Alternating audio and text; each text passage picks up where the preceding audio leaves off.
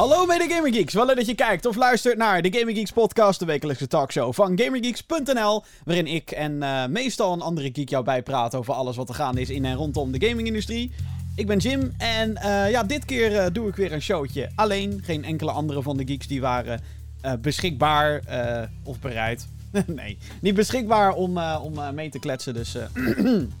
Vandaag dus uh, even een showtje weer. Alleen, maar ja, dat betekent niet dat er niet genoeg over uh, videogames te praten valt. Want oh, damn, damn, damn, er is weer het een en ander gebeurd. En ik ga jou heel graag weer bijbrengen over uh, de games en wat ik gespeeld heb. En wat er allemaal voor nieuws is. En uh, natuurlijk ook jouw vragen. Dus heb jij vragen voor deze show? Of je deze game of uh, deze podcast nu live meekijkt of luistert. Of je hoort hem achteraf via de podcastfeeds. Of op youtube.com zoals GamerGeeks.nl. Ik zou zeggen, uh, stel je vragen via podcast.gamergeeks.nl. Dat is podcast.gamergeeks.nl. Daar kan je altijd je vragen dan wel commentaar op kwijt. Um, voordat ik uh, verder ga met de show, moet ik natuurlijk weer mijn uh, oproepje doen om uh, jou te laten stemmen. Ja, ja, want de Dutch Podcast Awards komen eraan. Mocht je niet weten wat het is, dat is eigenlijk gewoon de Nederlandse prijs voor de leukste, meest boeiende, meest intrigerende podcasts die er zijn. In Nederland natuurlijk. En um, ja, ik zou dat toch wel heel leuk vinden als wij ook op een, een of andere shortlist komen te staan. Dus wat moet je doen als je deze podcast een beetje tof vindt en je denkt, nou, hè, die jongens die gun ik wat. Of niet? Nee, nee, die, die jongens die gun ik wat. Ga naar podcastawards.nl en vul daarin de Gamer Geeks podcast. Ik nomineer de Gamer Geeks podcast. GamerGeeks.nl, vul die website erbij in. En dan komt het allemaal goed. En dan uh, bedank ik jou bij deze van harte. Dus podcastawards.nl en nomineer daar de Gamer Geeks podcast. Ik heb vernomen dat zij al iets van meer dan 5000 nominaties hebben. Dus het zou toch wel leuk zijn als wij uh, ergens hoger in dat lijstje komen dan plek 5000. Maar je weet het maar nooit natuurlijk. Voor hetzelfde geld. Uh... Anyway. Goed, uh, hoe gaat het? Ja, het gaat eigenlijk wel lekker. Ik uh, heb de deze hele week weer flink wat zitten spelen.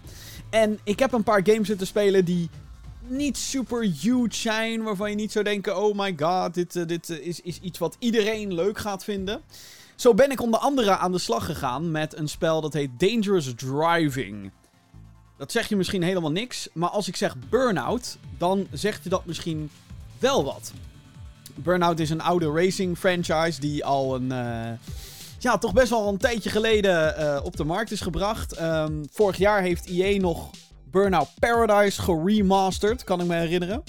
En um, ja, dat is gewoon een remaster van een oudere game. Maar dit is dus daadwerkelijk een nieuwe game. Gemaakt door een indie studio. Three Fields Entertainment heten ze. Het schijnt dat ze iets tussen de 7 en 10 man sterk zijn. Nou is dat natuurlijk niet heel veel, maar hey, uh, het is in ieder geval iets. En um, tussen die medewerkers zitten een aantal oud medewerkers van Burnout. En wat was Burnout? Burnout was een racing franchise. Um, een van mijn favorieten, want ik hou wel van een potje racen.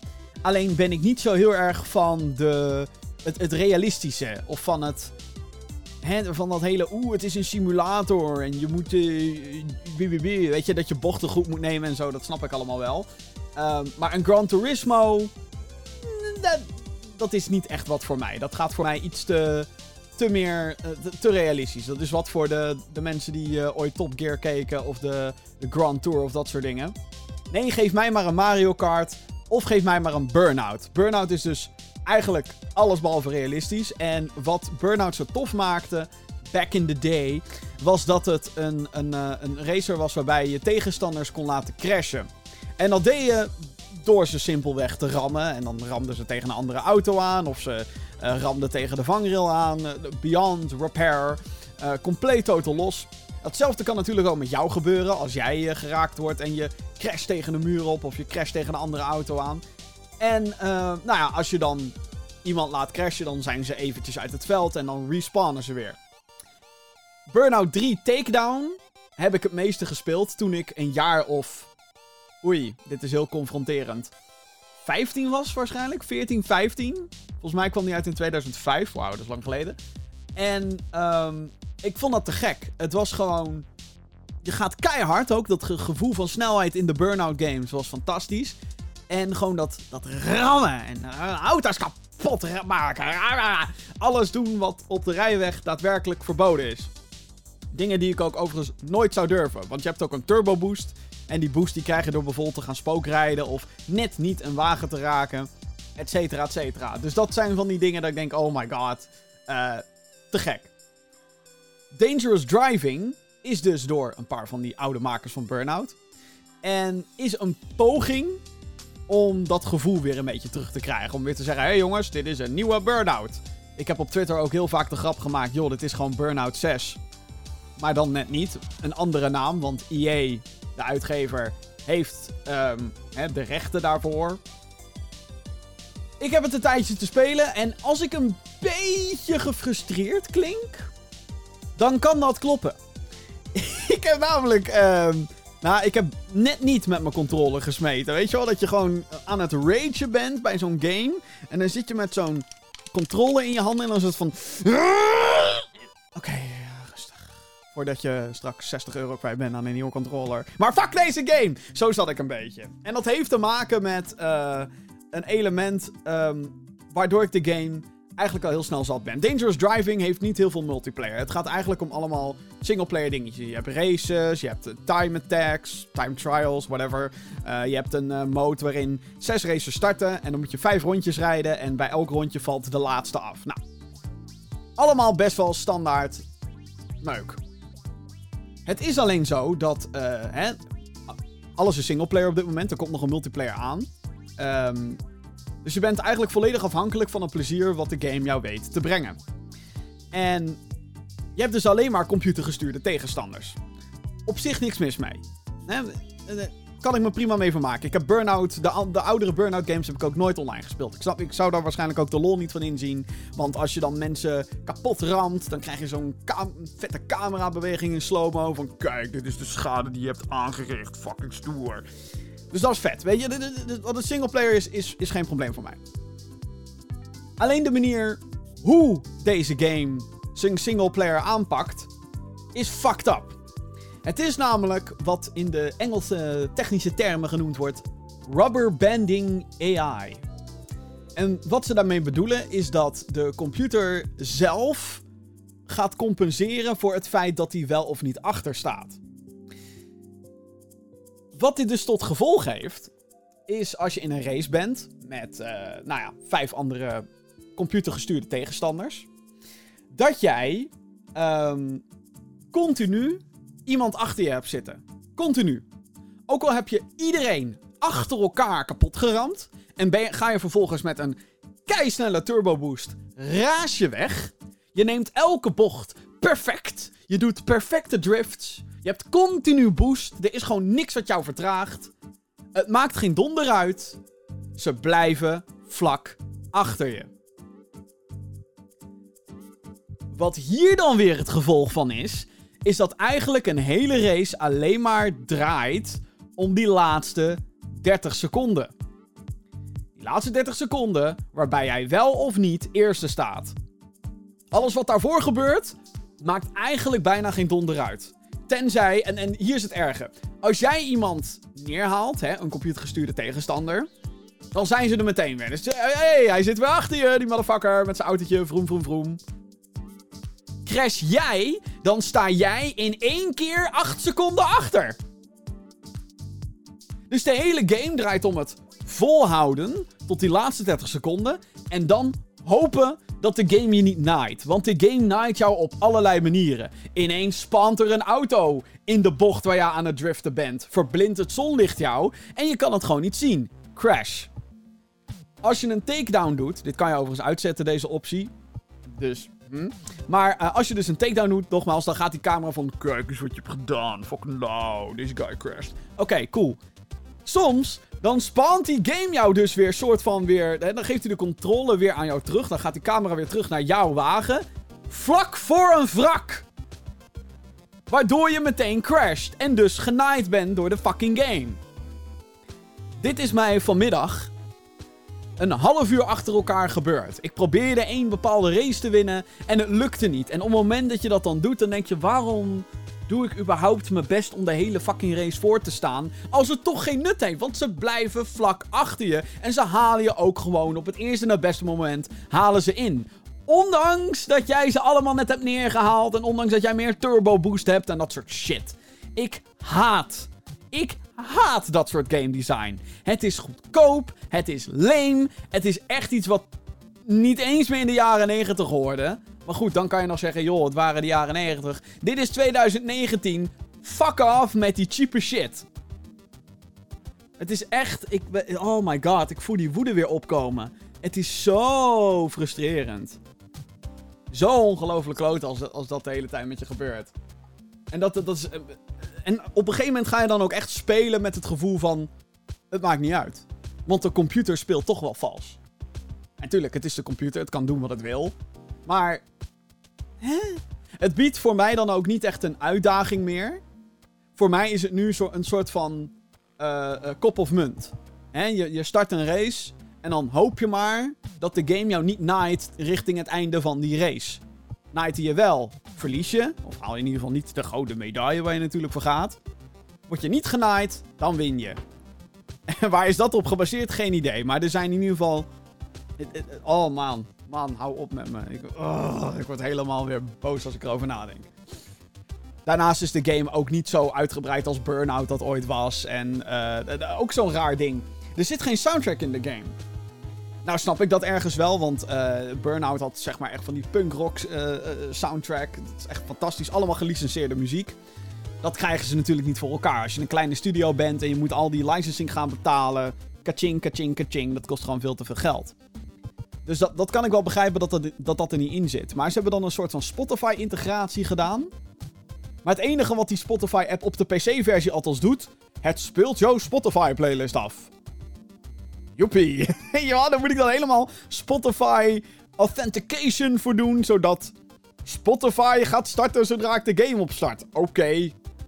Ik kan ook gewoon zelf al tap doen en dan op Spotify klikken. Er had veel meer uitgehaald kunnen worden, denk ik. Goed, um, dat is een beetje waar ik over heb zitten schreeuwen en doen uh, deze week. En met nog een ander spel, by the way.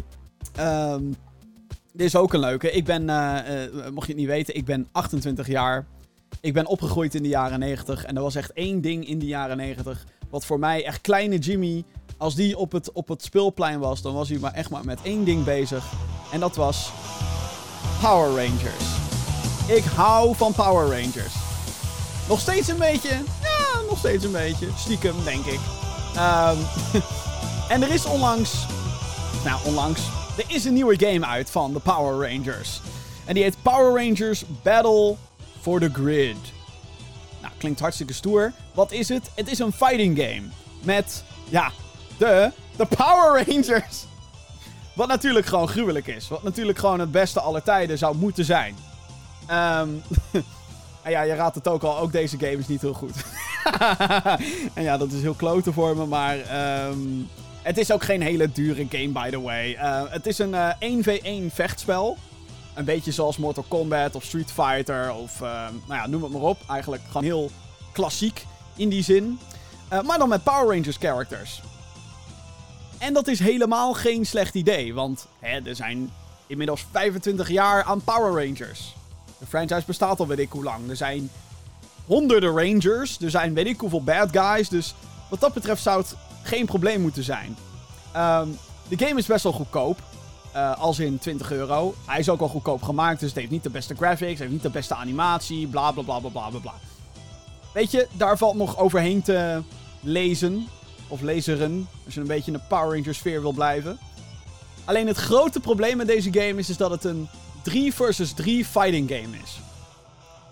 Oké, okay, dat kan ook cool zijn, hè. Marvel vs. Capcom, gigantische cast aan characters en 3v3, let's go, weet je al. Gewoon lekker, lekker stoten en slaan en weet ik wat allemaal.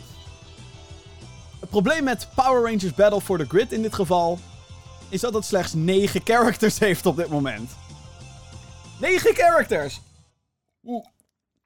In een 3v3 fighting game. Dus wat er dan letterlijk gebeurt... je hebt een arcade mode in het spel... waarbij je dus gewoon langs een aantal levels gaat... en uh, uh, duwtjes in elkaar slaan... Mede Rangers en wat bad guys... Wat er dus gebeurt is dat je letterlijk al bij het tweede level van arcade mode, of level 3, laten we dan even heel genereus zijn, heb je letterlijk alle characters al gezien. Want jij kiest er zelf drie. Het moeten drie verschillende zijn, by the way. Nou, het kan dan zijn dat de computer een, een, een clone heeft, hè, dat je dan tegen dezelfde vecht. Maar Ja, 9 characters in 3 versus 3. 9! dat is nog veel te weinig, jongens. Wie de fuck dacht dat een goed idee... Dat dat een goed idee... idee sneller de Kom niet eens meer aan mijn woorden, zo kut is het spel. 9 characters. In een 3v3 fighting game. Ik kan er echt niet meer over uit, jongens. Dit is echt, uh, echt ongelooflijk. Ja, ik krijg helemaal een zure, zure smaak van. Maar um, wat ik uh, wel ga doen is... Ik heb zowel Dangerous Driving als Power Rangers Battle for the Grid. Die ga ik toch nog een beetje wat uitgebreider spelen. En ik ga daar zeker wel reviews over maken. Dus hou de website gaminggeeks.nl in de gaten voor... Um, voor, voor de reviews daarvan. Ik heb ook nog. Ik heb Metro Exodus trouwens eindelijk uitgespeeld. Oh my god, die game. Oh my god, hype. Um, wil ik je ook heel graag nog over vertellen. Dus ben ik ook nog mee bezig. Anthem ben ik inmiddels helemaal klaar mee. Dus weer genoeg gespeeld. En ik denk dat ik weer een beetje uh, fris en fruitig de week in kan. En um, dat heb ik ook gedaan deze week. Want hey, dit weekend hebben we weer een uh, nieuw nieuwe game op ons verlanglijstje kunnen zetten. Officieel dan op ons verlanglijstje kunnen zetten. Want dit weekend uh, de, het weekend van 14 april 2019. Dat is de datum van opname trouwens, hallo. Um, wat er aan de hand is, uh, er is een beurs gaande in Amerika. Dat is Star Wars Celebration. Nou, dat is hartstikke leuk. Er is een trailer uitgebracht van Star Wars uh, Episode 9. Rise of Skywalker. Heel veel zin in. Groot Star Wars fan. Als in fan van de films. En, en als er een game is, ben ik daar ook altijd wel geïnteresseerd in. Behalve als het Star Wars Battlefront is. En we wisten eigenlijk al een tijdje dat er een reveal zou komen op Star Wars Celebration. En niet alleen maar een reveal van de nieuwe film. Waar we, denk ik, hopelijk met z'n allen zin in hebben. Ik wel althans. Ben heel benieuwd hoe ze deze sequel trilogy gaan afsluiten. Heel veel mensen haten The Last Jedi. Ik snap waar het vandaan komt. Ik ben zelf niet zo heel negatief over die film. Maar ik, ik snap de kritieken. Maar er was nog meer. Meer dan... Wat? Meer dan de Star Wars Episode 9 trailer. Wat, wat is er dan nog meer aan de hand? Er komt een nieuwe Star Wars game aan. En deze Star Wars game wordt gemaakt door Respawn Entertainment. Dus Respawn Entertainment die heeft tijdens Star Wars Celebration, samen met natuurlijk uh, Lucasfilm en, en EA, de uitgever, heeft uh, uh, hebben zij Star Wars Jedi Fallen Order onthuld. Het wordt een single-player actiegame die zich plaatsvindt tussen episode 3 Revenge of the Sith. En episode 4, A New Hope. Zeg maar, dat was echt de aller, aller, allereerste film. Je speelt als Cal Kestis, of Kestis. Cal in ieder geval. Een jonge Jedi die zijn krachten verborgen houdt omdat de Jedi Knights worden opgejaagd door The Empire. Uiteraard word je onthuld uh, uh, in de game en komen er verschillende bad guys achter Cal aan. Hij wordt gespeeld door Cameron Monaghan, die de Joker speelt in de televisieserie Gotham. Als ik het goed heb, ik volg die serie niet helemaal. Alhoewel er uh, wel een trailer verscheen. Uh, uh, deze bevatte geen gameplay, alleen meer wat van het verhaal. het enige wat daarover werd losgelaten, over de gameplay, is dat het thoughtful combat heeft. Button dat is dus volgens de ontwikkelaar van de baan, niet aan de orde. dan, dan win je niet. verder werd onthuld dat er geen multiplayer in zit en dat het geen microtransacties zal bevatten. Een opmerkelijke move aangezien uitgever EA eerder de stekker trok uit het project Ragtag, wat een singleplayer Star Wars game moest worden onder leiding van Uncharted schrijfster Amy Hennig. Jedi Fallen Order zal de derde game worden in de Star Wars franchise van EA. In 2015 verscheen Battlefront en in 2017 Battlefront 2. En die laatste heeft vooral heel veel gezeik over zich heen gehad. Want lootboxes, pay to win, geen goede uh, combinatie met een 65 euro game. Iedereen pissig. Uh, de nieuwe game Jedi Fallen Order komt op 15 november naar Xbox One, PlayStation 4 en de PC.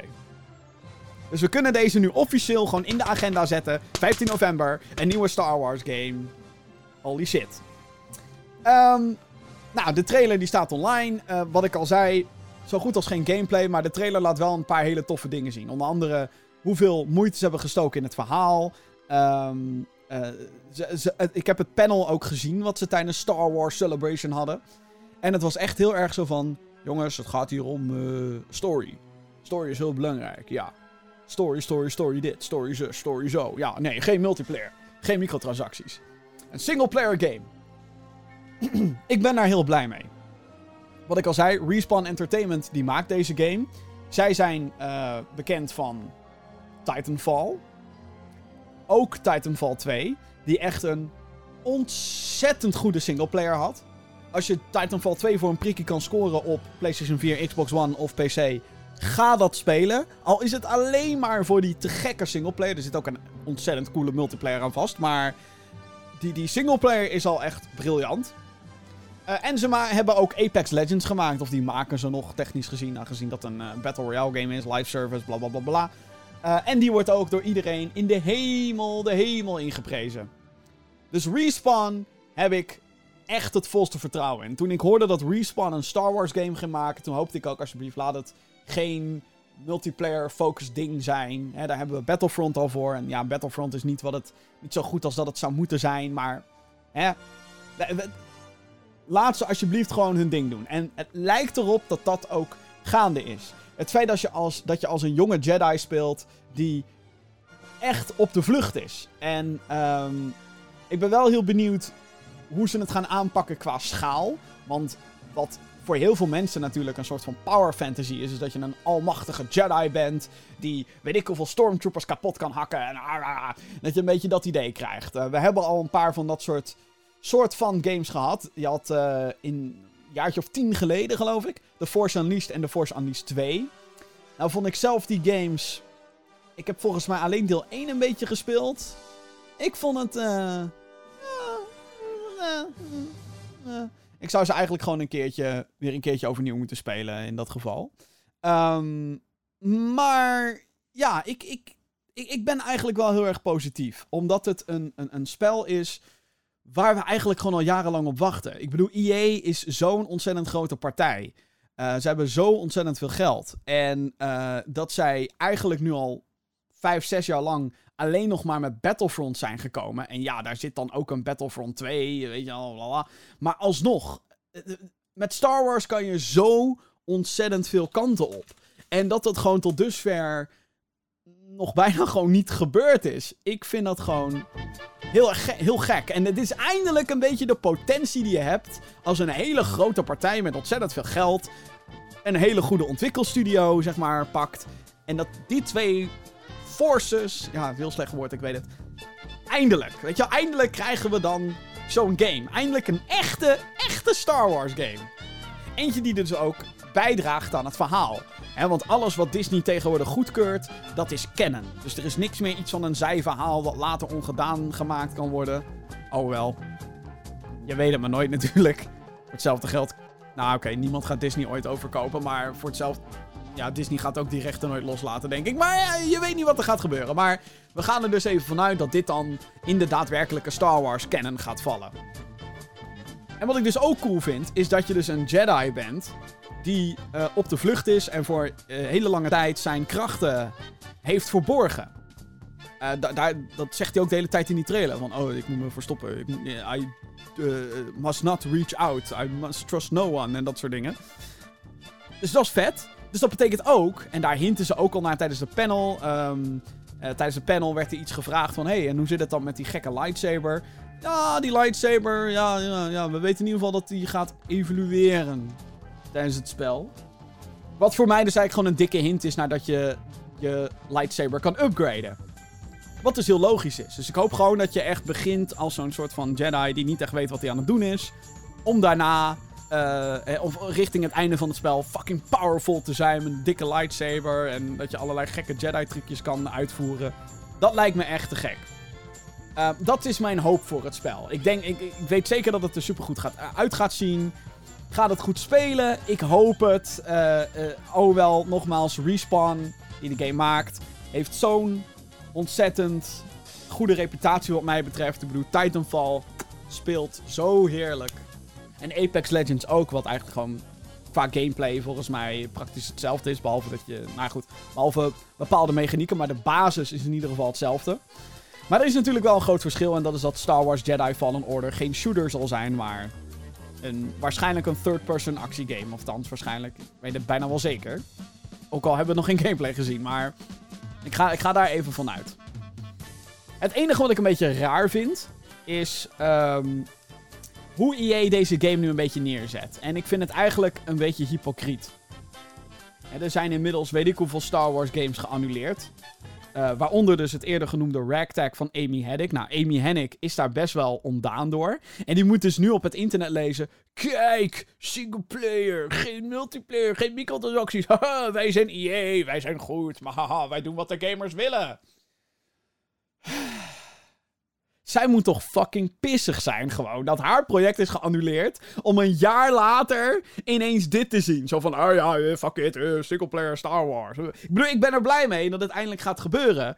Maar stiekem wil ik ook gewoon die game. Waarin je uh, als een groep van bounty hunters speelde. Of in ieder geval als een bounty hunter. Dude, dat is awesome. Waarom heeft EA dat geannuleerd? Wat de fuck is er mis met jullie? Ja, het zou waarschijnlijk niet zoveel geld opleveren als dat we willen. Jongen, als je iets cancelt, levert het helemaal niks op. Ik snap echt niet gewoon waarom ze dat gecanceld hebben. Ik, ik, ik, weet dat dit zeg maar. Ik ga nu iets zeggen wat nooit gaat gebeuren. Dus, dus, dus ga er ook echt totaal niet van uit dat dit ooit. De, de, de mogelijkheid is 0,0%. Wat super tof zou zijn is als Amy Hennig weer terughaalt. En studio opent. Jongens, we hebben gezien met Jedi Fallen Order. We hebben het licht gezien. We zijn nu aan de light side. Fuck the dark side. Fuck multiplayer. Fuck lootboxes. Fuck microtransactions. Jongens, ga alsjeblieft jullie shit weer afmaken. Het gaat niet gebeuren! Maar dat zou toch mooi zijn. De wonderen zijn de wereld dan ook nog niet uit, maar. Hm, zwaar. Dus ja, uh, eh, 15 november. PlayStation 4, Xbox One, PC. Jedi Fallen Order. Ik heb er ontzettend veel zin in. Um, ik, ik, ik, ja, het is ook een maandje voor de, voor de laatste film. Star Wars Episode 9 komt in, uh, in, in december uit. Dus dan komt die hype extra, extra, extra. Ik heb uh, ook alweer op mijn PC en in mijn online libraries, digitale game libraries zitten kijken. Met welke Star Wars games ga ik spelen voordat het zover is. Ik heb vanmiddag Star Wars Dark Forces weer even zitten spelen. Wat een heel, heel, heel, heel oud spel is. 1993, 94 of zo. Uh, speelt ook voor geen meter. dan merk je zeg maar, oh ja, toen waren shooters nog niet met WASD en met een muis. Nee, het is een shooter trouwens. Uh, waarin je als een guy speelt die later Jedi Knight wordt. Maar dat is volgens mij in deze game nog helemaal niet het geval. Um, want Dark Forces leidt weer naar de Jedi Knight serie. Wat overigens ook heel erg tof zou zijn als ze die weer terug zouden brengen. Als Kaal Katarn, het hoofdpersonage daarvan, canon wordt. Als, als ze dat nou eens zouden doen, zou ik ook wel heel erg cool vinden. Wat ik ook trouwens opvallend vind, laatste dingetje is dat het Star Wars Jedi dubbele punt Fallen Order heet. Wat, wat, wat ik heel erg frappant vind. Je zou denken dat het zou heten Star Wars dubbele punt Jedi Fallen Order. Of gewoon Star Wars dubbele punt Fallen Order. The Fallen Order, whatever. Waarom heet het Star Wars Jedi dubbele punt Fallen Order? Is dit een hint misschien wel dat het een franchise wordt? Dat ze denken, oké, we hebben een Star Wars Jedi subserie aan personages, aan games, aan misschien wel andere media, een comic book, een serie, hè, wie weet. Want Disney Plus gaat nu helemaal met hun streaming service vol into Star Wars met twee live-action series. En dan heb je ook nog eens geanimeerde meuk wat er allemaal aankomt. Um, dus dat is het laatste dingetje. Dat is wel zo'n dingetje dat ik denk, nou, dat zou toch ook wel cool zijn als, als ze meer Jedi-dingetjes zouden bij elkaar zouden betrekken. Um, wat mij betreft gaan ze dus Kyle Katarn terughalen. Jedi, Knight, Shadows of the Empire. Dat zou ik ook cool vinden als ze zo'n storyline weer op zouden pakken. Maar dan in de canon van Disney. Want, nou goed, Disney heeft... Uh... oh ja, voor degenen die dat niet weten. Disney heeft namelijk alle expanded universe. Zeg maar allerlei comic books en games en, en boeken. Hebben ze een soort van verklaard als dit is niet gebeurd in Star Wars. Alles, dit alles is niet gebeurd. Alles wat Disney nu uitbrengt, dat is wel gebeurt. Tussen aanhalingstekens in de tijdlijn. De echte tijdlijn van Star Wars. Dus laten we hopen dat, dat, dat daar wat meer uit gaat komen. Ik ben heel erg benieuwd.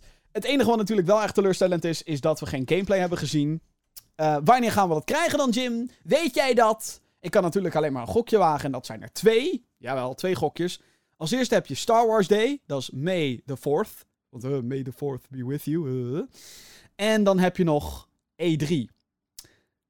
EA, de uitgever van deze game, die houdt uh, elk jaar EA Play. Dat is een evenement vlak voor E3 waarin hun, hun, zeg maar, hun shit laten zien en zo.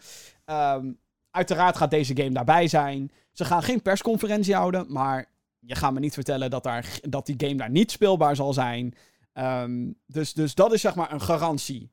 Tijdens, dat is 9 en 10 juni aan mijn hoofd, dat weekend. dan gaat het sowieso gebeuren. En ehm, voor die tijd, ja, misschien tijdens May the 4th. Want dat is over een paar weken. Dus dat, dat zou op zich wel een goede follow-up zijn op de announcement die we nu hebben gehad.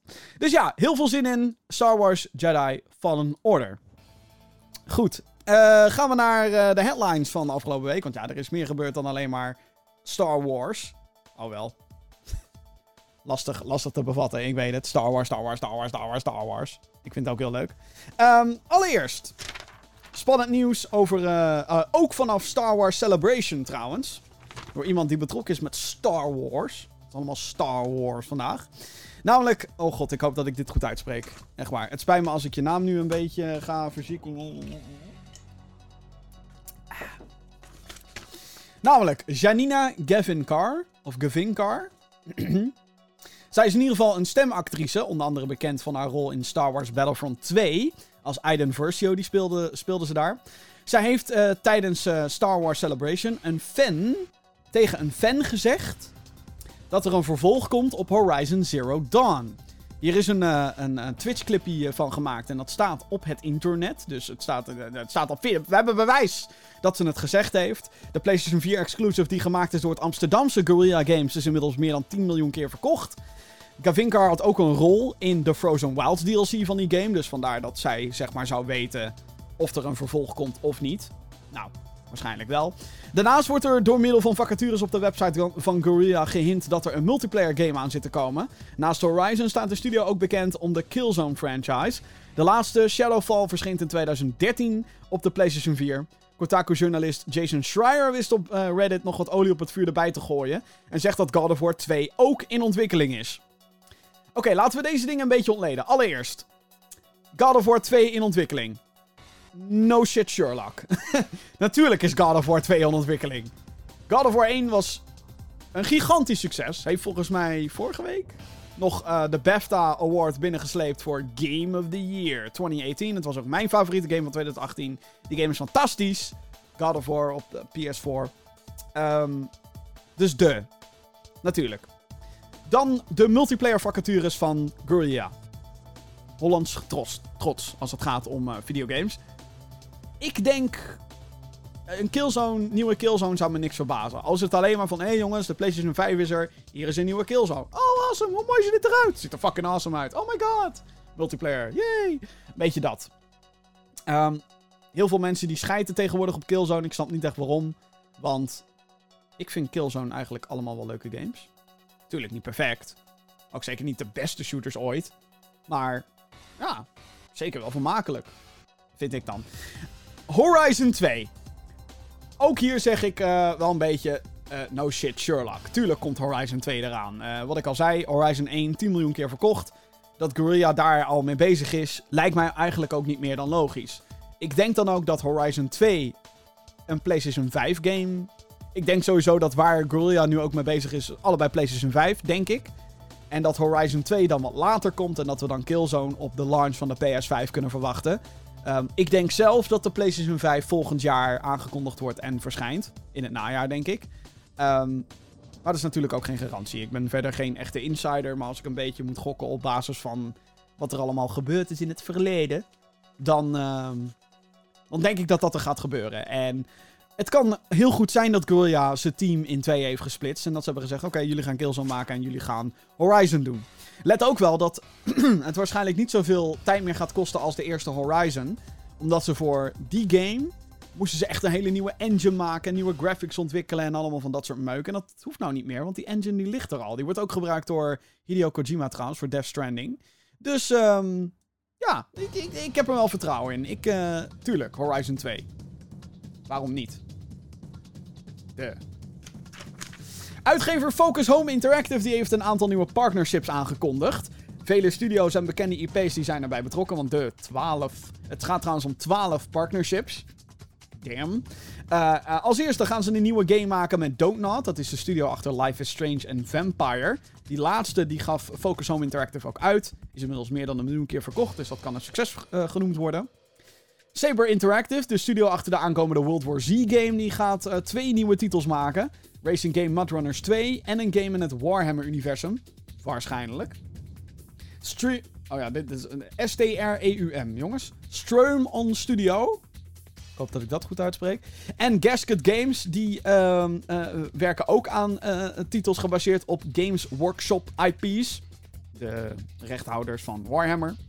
Deck 13, bekend van The Search, die gaat ook een nieuwe game maken met Focus. En Sumo Digital gaat een multiplayer game ontwikkelen met de uitgever. En verder zijn er dan nog wat studio's en, en, eh, en nog niet onthulde projecten. Worden allemaal gemaakt. In totaal zijn het er dus 12 die ze hier een soort van half uit de doeken hebben gedaan. Er wordt ook gesproken over Switch-versies van onder andere Vampire en uh, Call of Cthulhu. Die beide zijn uitgekomen. Oftewel, deze uitgevers die spend heel veel money in de hoop heel veel money bij elkaar te schrapen.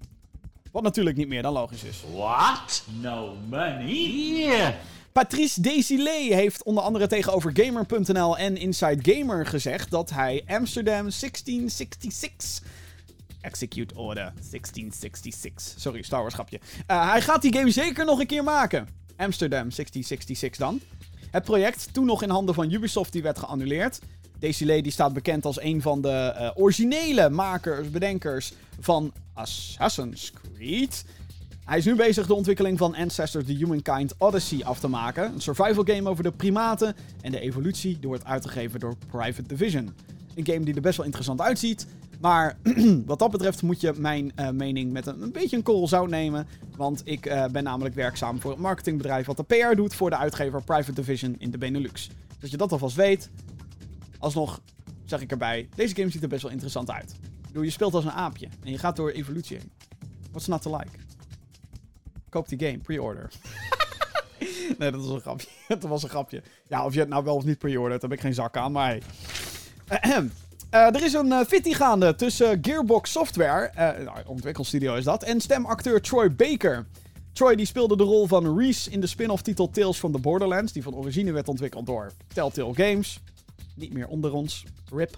Een personage, um, ja, Reese, die komt dus terug in Borderlands 3. Hij zat al in de trailer. Baker wist op een conventie te melden dat hij er niet in zit, als zijnde zijn stem, en dat hij daar erg teleurgesteld in is. Randy Pitchford, de CEO van Gearbox, heeft, heeft op Twitter gezegd dat ze hem de rol hadden aangeboden, maar dat Troy deze zou hebben afgeslagen. Dus dat zijn twee niet echt kloppende verhalen. Troy zegt: hm, Ik vind het gewoon heel jammer dat ze. Ik bedoel, natuurlijk had ik het gedaan. En dan zegt Gearbox, althans de CEO van Gearbox, douchebag Randy Pitchford, die zegt dan: Nee, hij wilde niet.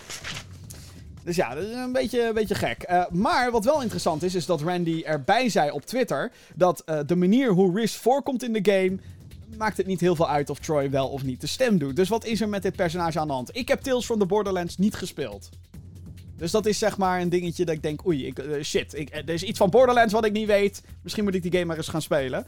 Maar, um, betekent dat dat, hij lijkt, dat, dat zijn kaak weg is? is hij, gaat hij dood? Of wordt hij versteend? Of, of krijgt hij een robotchip in zijn keel? Ik weet het niet. Dus van alles er nog wat mogelijk, want het is nou eenmaal Borderlands. Overigens maakt het mij geen donder uit of dat personage er wel of niet in zit. Want ik ben hyped voor Borderlands 3. 13 september komt hij uit op PC, Epic Game Store, PlayStation 4 en Xbox One. Voor degenen die dat niet weten. Uh, oh ja, en mocht je het gemist hebben, uh, het is nu mogelijk om je PlayStation Network naam aan te passen of te veranderen. Dit kan eenmalig gratis gedaan worden. Let wel dat het veranderen van je naam tot issues kan leiden bij oudere games in de online standen. Het schijnt te maken, hebben, uh, te, maken te hebben met de online infrastructuur die alles behalve ideaal is.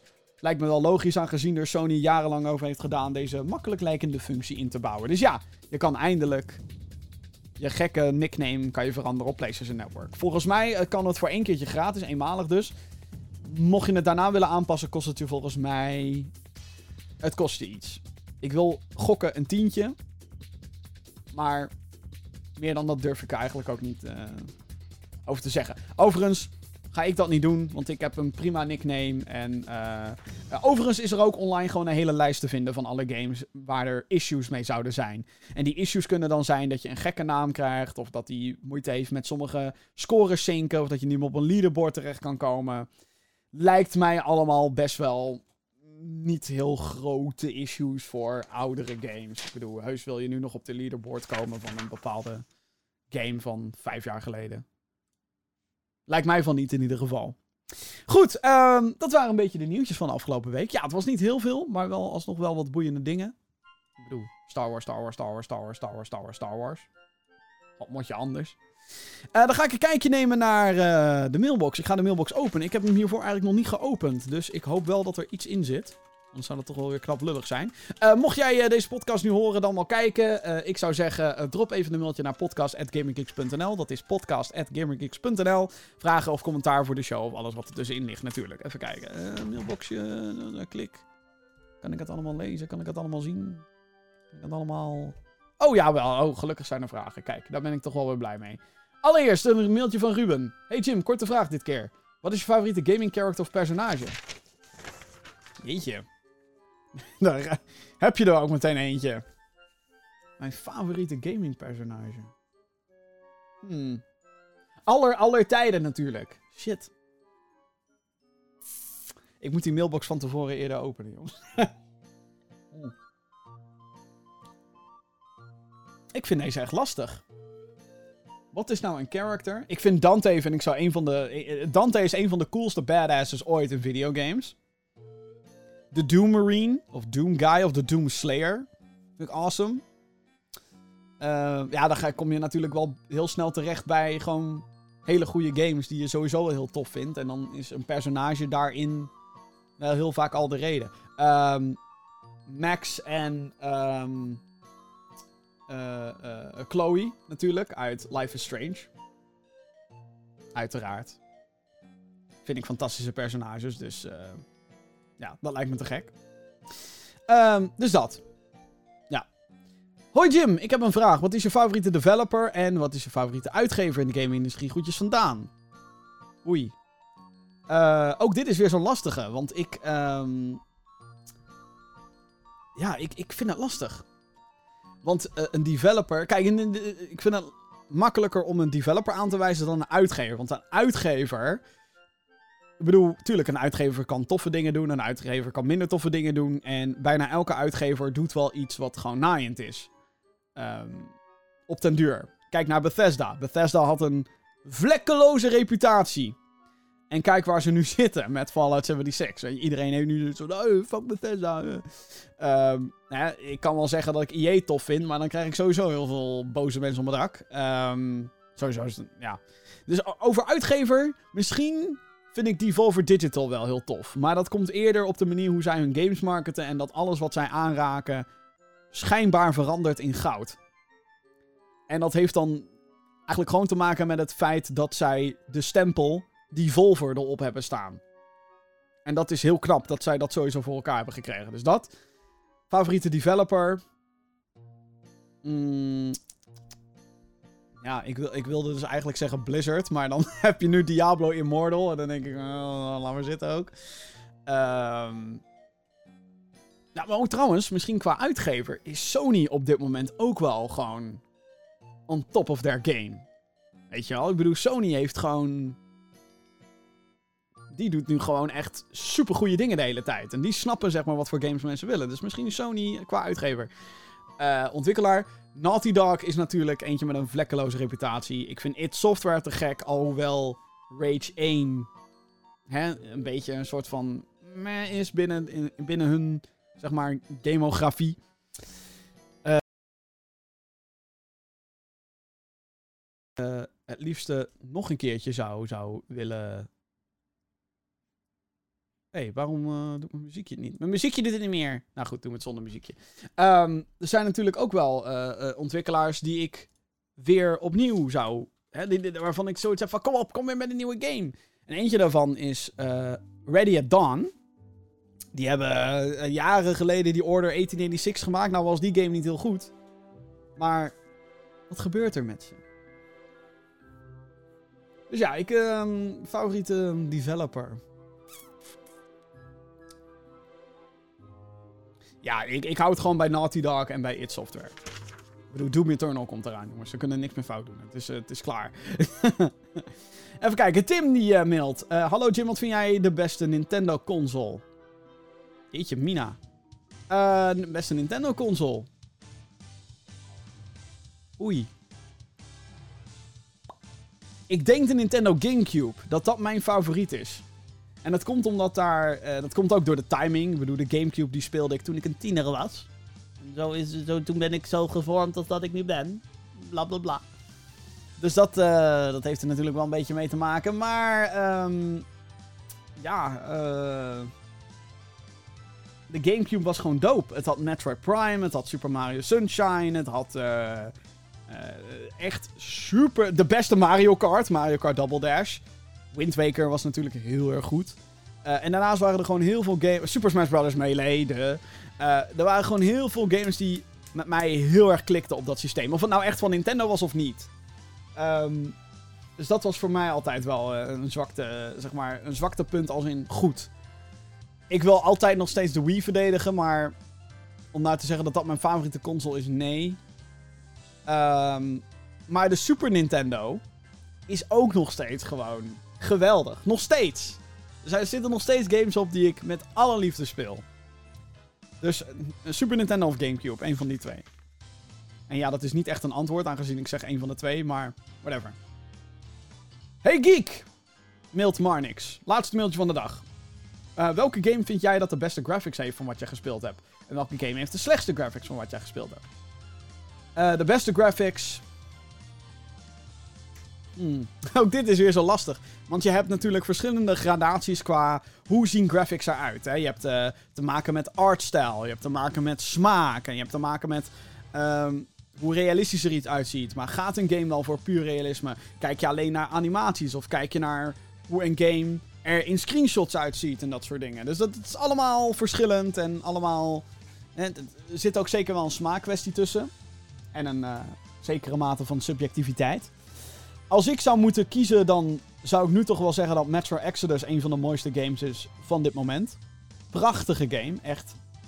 Wauw, die omgevingen. En dan speel ik hem nog niet eens op de beste, grootste settings. Hè? Ik speel hem op een GTX 1080 videokaart. En je hebt inmiddels 2080 met RTX ray tracing, blablabla. Dus dat kan nog mooier. En ik zit al zo van, damn son, deze game ziet er vet uit. Ehm wat nog meer? Ik vond de graphics van God of War echt prachtig. Ehm, maar dat is, dan ga je denk ik al veel meer richting een artistiek eh, dingetje. Zo van, nou, de art. En dat, dat is trouwens ook een heel groot deel. Ik bedoel, als de art van je game niet klopt... En als dat niet zeg maar gelijk is met de rest van je wereld. Hè, als een wapen ineens heel cartoony is in een realistische wereld, dan is dat. Hé, what the fuck. En nu doe ik natuurlijk een beetje een extreem voorbeeld. Maar dat is zo belangrijk. En ik denk dat heel veel mensen dat onderschatten hoe belangrijk dat is. Qua slechtste graphics. Ja, ik kan wel zeggen Atari games op de 2600. Want dat waren letterlijk een streepje en een, en een vierkantje. Ehm, er zijn wel echt heel veel games op de Game Boy Advance die echt heel lelijk zijn. Maar echt lelijk tot, tot op het bot. Dat je denkt... Hoe dacht iemand dat dit acceptabel was? Zeg maar op die manier. En dat is wel echt... eh, ja, dat is gewoon not done. Dat is bijna gewoon... Kan niet. Bijna. Dus dat is... eh, ja, wel, wel een beetje, beetje, beetje kloten. Dus eh, Game Advance games, er zijn er niet alle Game Boy Advance games natuurlijk, maar er zijn een aantal games die dan proberen 3D te doen, maar je hebt een resolutie van 100 pixels bij 100 pixels en dat werkt gewoon voor geen meter. En dan als je ernaar kijkt, denk je, "Eh, wat hier aan de hand? Eh, volgens mij heb je ook een Star Wars game daarin die heel erg lelijk is. Ehm, hoe heette die nou? Flight of the Falcon of zoiets. Flight of the Millennium Falcon. Het, ziet er niet uit. Het is echt. Je kan niet zien wat er gebeurt op je scherm. En als je op zo'n niveau komt, dan weet je dat je het gedaan hebt. Goed, eh, dat waren alle mailtjes. Bedankt allemaal. Eh, mocht jij dus ook commentaar hebben of vragen voor de show, nogmaals, gamergeeks. Nee, podcast at gamergeeks.nl. Ik herhaal podcast. Dat is het mailadres. En dan eh, zijn we een beetje richting het einde gekomen van eh, deze aflevering van de Gaming Geeks podcast. Dit was aflevering 79. Mocht je dit een beetje leuk vinden, eh, dan heb ik twee kleine verzoekjes. De eerste is om de Gaming Geeks podcast te nomineren voor de Dutch Podcast Awards. Dat doe je door naar podcastawards.nl te gaan en daar Gaming Geeks podcast te nomineren. Zet de link erbij, gamergeeks.nl. En dan komt het helemaal goed, dan ben ik je voor eeuwig dankbaar. Mijn tweede verzoek is, is om naar die website daadwerkelijk te gaan. GamingGeeks.nl. Daar posten wij al onze videocontent. eh waaronder ook deze podcast in videovorm. Ehm, andere dingen zoals reviews en unboxings en, en previews en analyses. eh, overzichten van releases en dat soort dingen. Eh, ook schokkend nieuws posten wij ook. Zo staat er een uitgebreide analyse over Jedi Fallen Order. Staat er ook online op. En ehm, we doen tegenwoordig ook elke week een overzicht van alle releases. En dat is fijn, want dan kan je daar gewoon de trailers bekijken en kijken wat er allemaal uitkomt. Allemaal dus op één fijne plek, gaminggeeks.nl. Deze week komt er trouwens één game uit waar ik me heel erg op verheug en dat is World War Z. Ik weet niet waarom, het wordt misschien wel hartstikke shit. We doen de zoveelste zombie co-op shooter, I don't care. 16 april, World War Z, PC, PlayStation 4, Xbox One. Ehm, dat. Eh, mocht je deze eh, podcast in videovorm zien of op een andere manier en je denkt, hey, ben jij ook te vinden op mijn favoriete podcast-app? Nou, dat denk ik, denk ik wel. Apple Podcast, Google Podcast, Spotify of überhaupt overal waar je maar podcast kan invoeren. Daar is de Gaming Geeks podcast in te vinden. Dus eh, mocht je dat liever willen, eh, daarop abonneren, doe dat ook vooral. Het schijnt trouwens ook zo te zijn dat als je op iTunes ons een 5 sterretjes geeft, dat dat dan heel erg helpt. Dus ik zou zeggen, doe dat. Help ons vooral. En eh, voor alle, al, het andere moois wat betreft Gaming Geeks, ga dus naar gaminggeeks.nl. Goed, eh, dit was de Gaming Geeks podcast. Hartstikke bedankt voor het luisteren, dan wel het kijken. En ik spreek je hopelijk een volgende keer. Doei!